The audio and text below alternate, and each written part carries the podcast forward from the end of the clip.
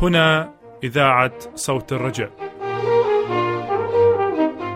أهلا وسهلا بكم أعزائي المستمعين إلى بثنا اليومي باللغة العربية.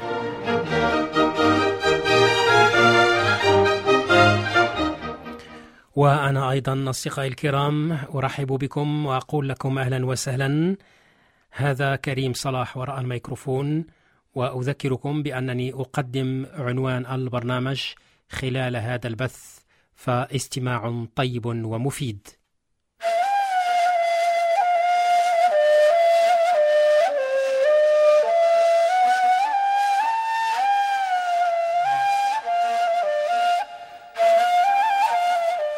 الإيمان والحياة.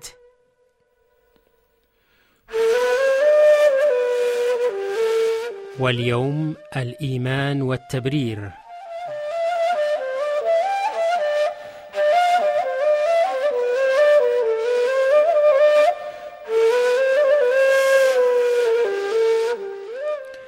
أحبائي المستمعين في حلقات سابقة قدمنا لكم خلاصة التعاليم الكتابية التي هي موضوع الإيمان الذي أوحى به الله لعبيده الأنبياء والرسل.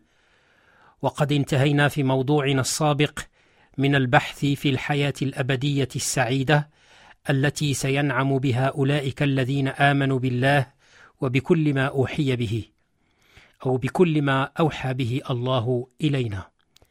أما الآن وفي المواضيع الآتية فإننا سنشرع في بحث مفصل في موضوع كيفية الاستفادة من الإيمان القويم ونتيجة ذلك في حياة الإنسان. فمن البديهي أيها الإخوة أنه لا يكفي للإنسان أن يقر بصحة هذا المعتقد أو ذاك لكي يعد مؤمنا. فالإيمان ليس بالأمر العقلي المجرد من عن الحياة. وعنوان برامجنا هي الإيمان والحياة. إذا لا بد أن يكون هناك تطابق بين المعتقد والعمل أو الحياة. يشمل الإيمان جميع نواحي الحياة. من يؤمن بالله وبما يعلمنا الله في كتابه المقدس من يؤمن بكل ذلك يشعر أن حياته قد تغيرت بشكل كامل وجذري. فالإيمان الذي ينادي به الكتاب يصل الإنسان بجميع الأمور العظيمة المدهشة التي قام بها الله والتي تجعل حياته حياة جديدة حياة سائرة في دائرة المشيئة الإلهية حياة منسجمة كل الانسجام مع قانون الحياة والوجود.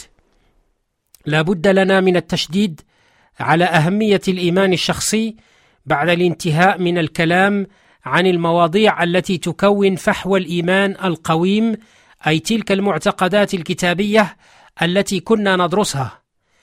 تعلمنا كلمة الله بشكل لا يقبل التأويل أن الإيمان هو أكثر بكثير من الإقرار العقلي بصحة تعاليم ومعتقدات. الإيمان هو ثقة قلبية أكيدة بالله وبكل ما أوحاه الله والذي نجده مدونا على صفحات الكتاب المقدس. وهكذا. لا نأتي للكلام عن موضوع الإيمان الشخصي حتى نذهب للكلام عن ثمرة الإيمان. ما هي ثمرة الإيمان؟ ثمرة الإيمان القويم هي الحصول على ذلك البر الإلهي المجاني ذلك البر الذي يجعل صاحبه عائشا في جو روحي سماوي والذي يضمن له القبول التام لدى الله والحياة الأبدية السعيدة. وبكلمة أخرى يصلنا الإيمان الشخصي بالله وبكل ما قام به تعالى لانتشالنا من وهدة الهلاك الروحي فنختبر ضمن حياتنا عمل الله الخلاصي والفداء الجبار الذي قام به يسوع المسيح على الصليب. وقد تكلم عن موضوعنا هذا الرسول بولس في مقدمة رسالته إلى مؤمن روميه قائلا لأني لست أستحي بإنجيل المسيح لأنه قوة الله للخلاص لكل من يؤمن لأن فيه أي في الإنجيل فيه معلن بر الله بإيمان لإيمان كما هو مكتوب أما البار فبالإيمان يحيى وكتب الرسول أيضا في هذه الرسالة عن موضوعنا قائلا وأما الآن فقد ظهر بر الله بدون الناموس أي بدون الشريعة مشهودا له من الناموس والأنبياء بر الله بالإيمان بيسوع المسيح إلى كل وعلى كل الذين يؤمنون لأنه لا فرق اذ الجميع أخطأوا وأعوزهم مجد الله متبررين مجانا بنعمة بنعمة الله بالفداء الذي بيسوع المسيح الذي قدمه الله كفارة بالإيمان بدمه. أما في رسالته إلى مؤمني غلاطية فإن الرسول بولس كتب عن موضوعنا قائلا إذ نعلم أن الإنسان لا يتبرر بأعمال الناموس أي الشريعة الإلهية بل يتبرر بإيمان يسوع المسيح. آمنا نحن أيضا بيسوع المسيح لنتبرر بإيمان يسوع بأعمال الناموس أو لا بأعمال الناموس. نقول مرة أخرى أننا لا نتبرر بأعمال الناموس لأنه بأعمال الناموس يقول الرسول بولس لا يتبرر جسد ما.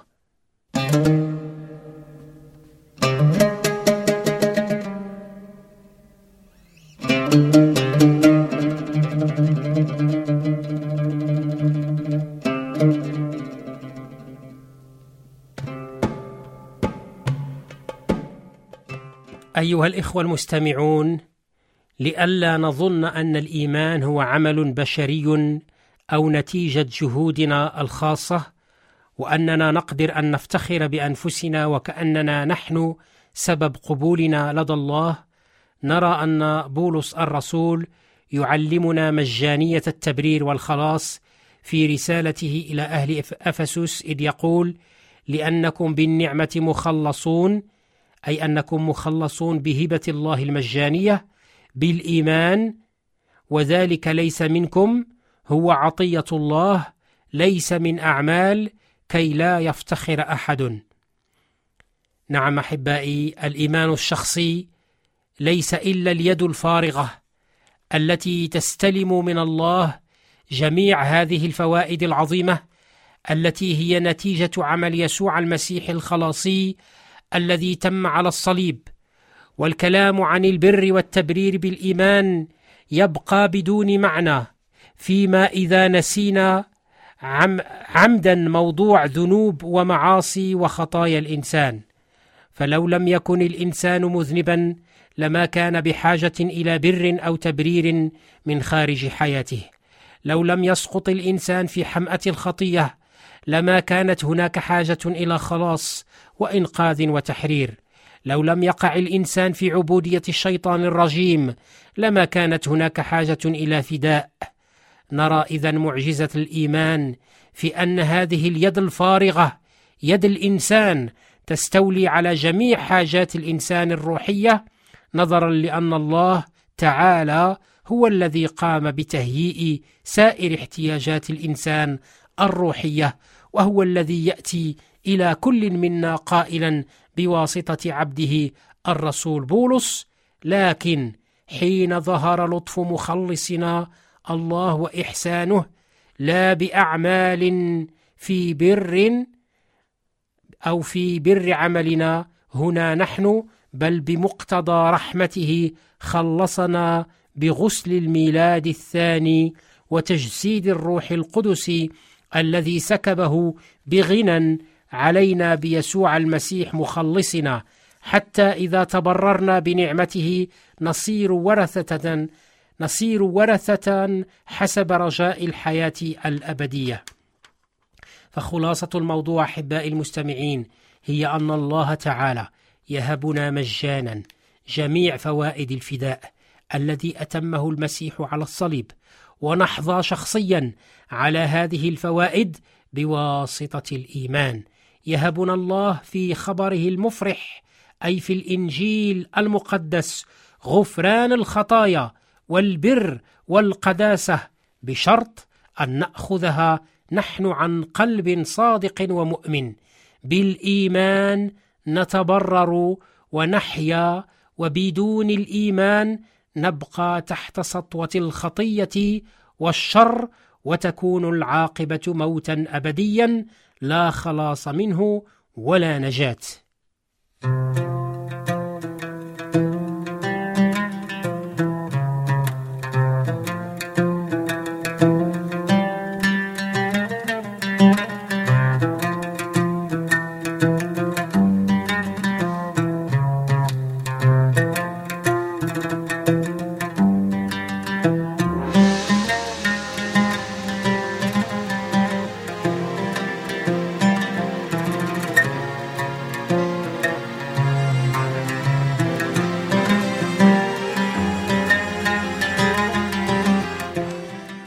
في الاستماع أصدقائي الكرام إلى صوت الرجاء والآن حان مو...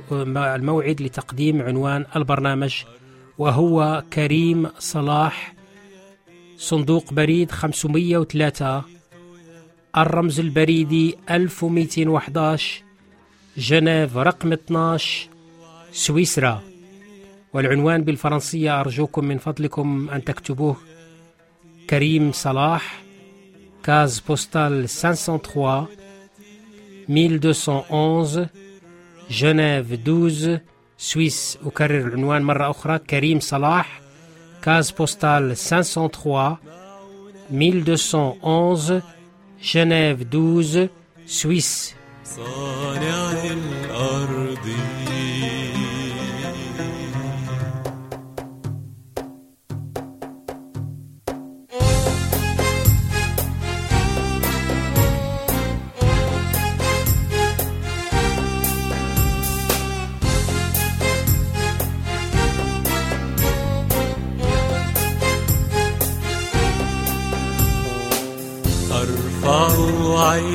عيني إلى الجبال من حيث يأتي عوني. أرفع عيني إلى الجبال من حيث يأتي عوني. معونتي من عند الرب صانع السماوات. معونتي من عند الرب صانع الأرض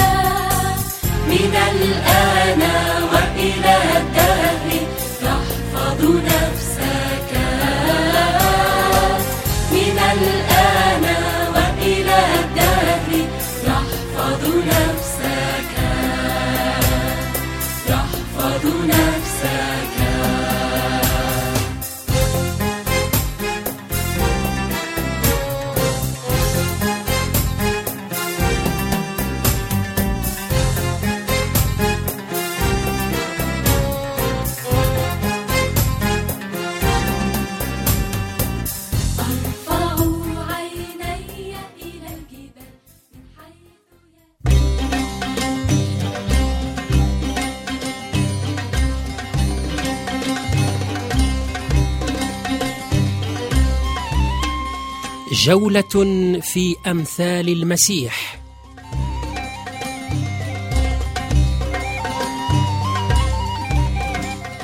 برنامج من إعداد وتقديم الدكتور طه أبو مروان.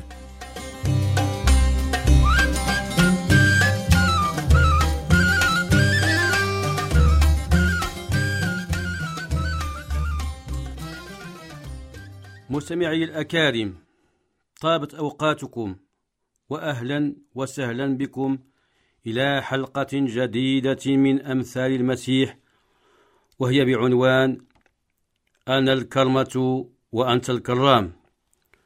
نقرأ أولا النص الكتابي الذي وردت فيه هذه العبارة حسب ما جاء في إنجيل يوحنا الفصل الخامس عشر ابتداء من الآية الأولى وانتهاء بالآية السابعة عشرة.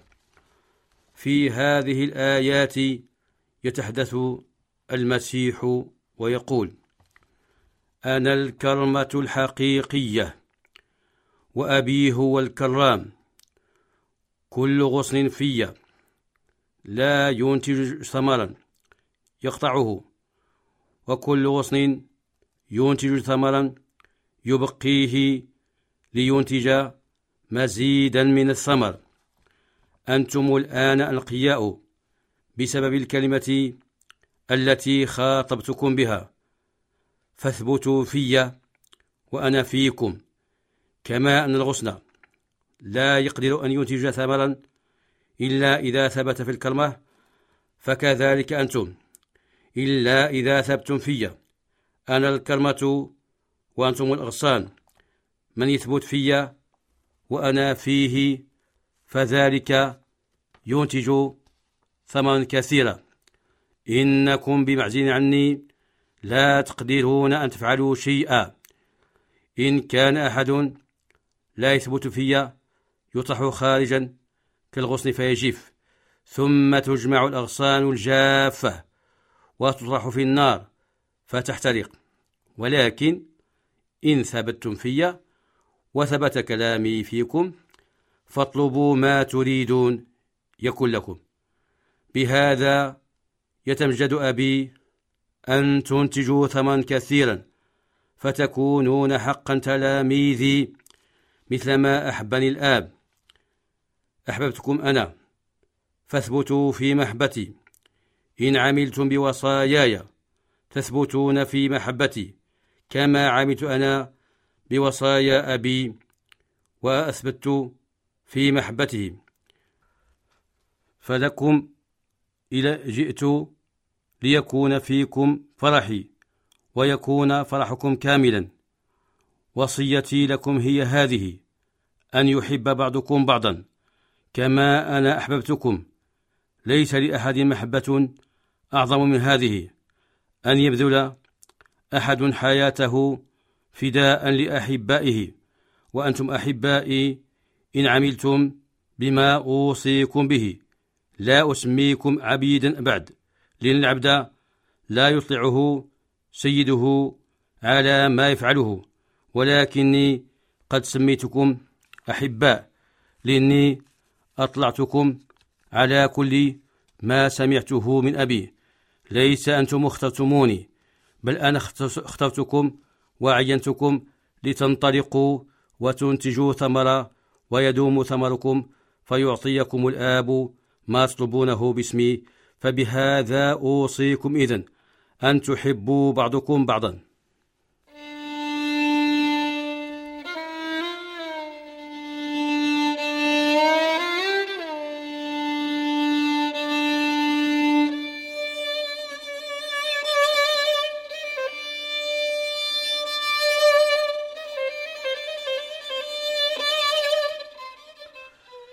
مستمعي الأكارم. يعرض النص الذي نقدمه اليوم أمورا كثيرة منها. أولا تشبيه يسوع نفسه بالكرمة وتشبيه الآب أي الرب بالكرام. والكرمة هي شجر العنب والكرام هو الفلاح الذي يقوم بأمرها ويدبر شؤونها.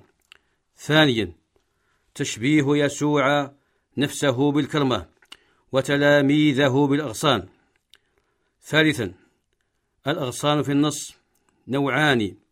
نوع جيد مثمر يؤتي أكله كل حين بإذن ربه يحتفظ به لكونه صالحا منتجا.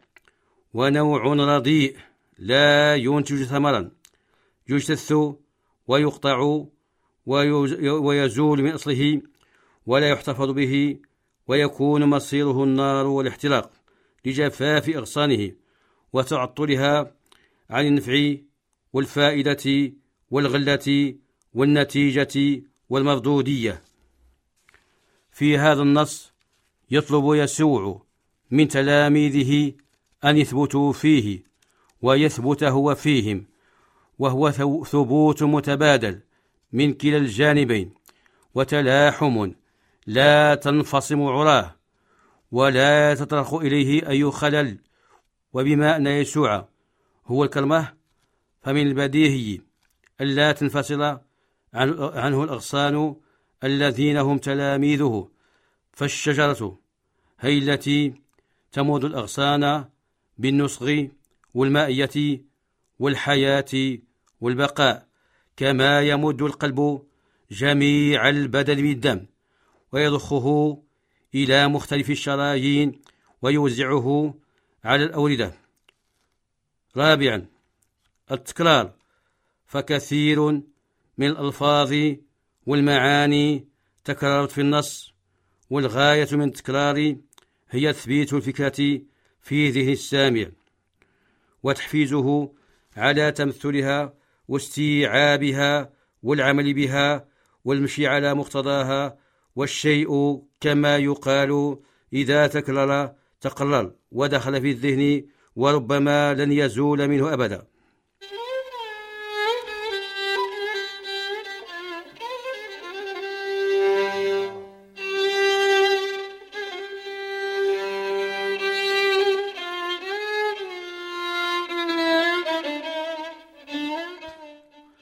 عزيزي المستمع الناس معادن.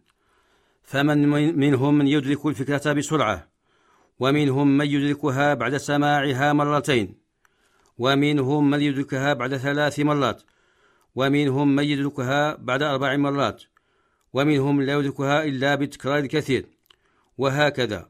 ولهذا كان التكرار مبدأ هاما في التربية والتعليم نظريا كان أو تطبيقيا. قال الشاعر اصبر ولا تتجرن عن مط- عن مطلب. فآفة الطالب أن يتجرى. أما ترى الحبل بتكراره. في الصخرة الصماء قد أثر. عزيزي المستمع إن التلاميذ بدون المسيح لا يقدرون على شيء. فكما أن أغصان الشجر وحدها لا يمكن أن تثمر شيء ثمرا فكذلك التلاميذ لا يقدرون على شيء بدون يسوع- إن التلاميذ لم يعودوا عبيدا بل صاروا أحباء للمسيح لأنه أطلعهم على كل ما سمعه من الآب. والعبد عادة لا يلقي إليه سيده بالا ولا يهمه من أمره شيء حالا ولا مآلا. إن المسيح أمر تلاميذه بأن يحب بعضهم بعضا فإنه حيث وجدت المحبة فتحت أبواب الخير وأغلقت أبواب الشر والمحبة أعظم شيء في الوجود. للمحبة تعني نكران الذات والاهتمام بشؤون الآخرين والمحبة تتأنى وترفق والمحبة هي الموصل الكهربائي الذي يصل المخلوق بخالقه وينقله من أضران الأرض وأوضارها إلى مباهج السماء ونعيمها. قال أحد الشعراء متغنيا بالحظة الإلهية أحبك حبين حب الهوى وحبا لأنك أهل لذاك فأما الحب الذي هو حب الهوى فشغلي بذكرك عن سواك وأما الحب الذي أنت أهله فكشفك للحجب حتى أراك. فلا الحمد في ذا ولا ذاك لي ولكن لك الحمد في ذا وذاك. أخي المستمع إن هذا النص يعج بالصور وهي صور كلها مأخوذة من الطبيعة منتزعة من البيئة. والمراد بالصور ما يتراءى وراء الألفاظ من أمور مجسمة تتخذ حيزا في الواقع ليكون لها مقابل في الذهن وبذلك تكون الصورة حية تدب فيها الحركة والحياة والتصوير أداة مفضلة في أمثال المسيح وفي غالب كلامه. ونأمل أن نكون قد أمضيتم معنا أصدقاء المستمعين وقتا ممتعا مفيدا بإذن, بإذن الباري تعالى.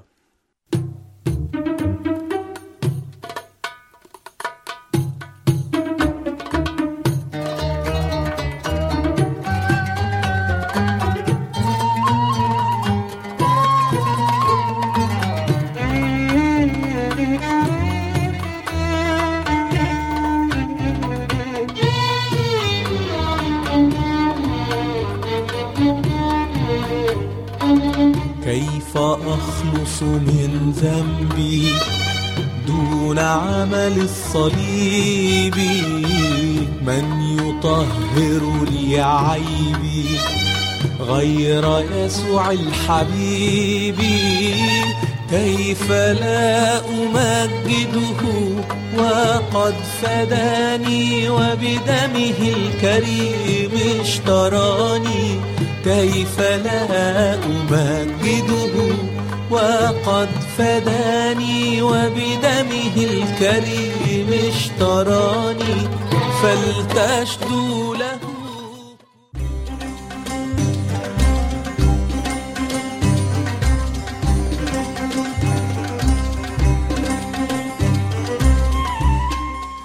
كنتم أصدقائي المستمعين مع الدكتور طه أبو مروان في برنامج جولة في أمثال المسيح.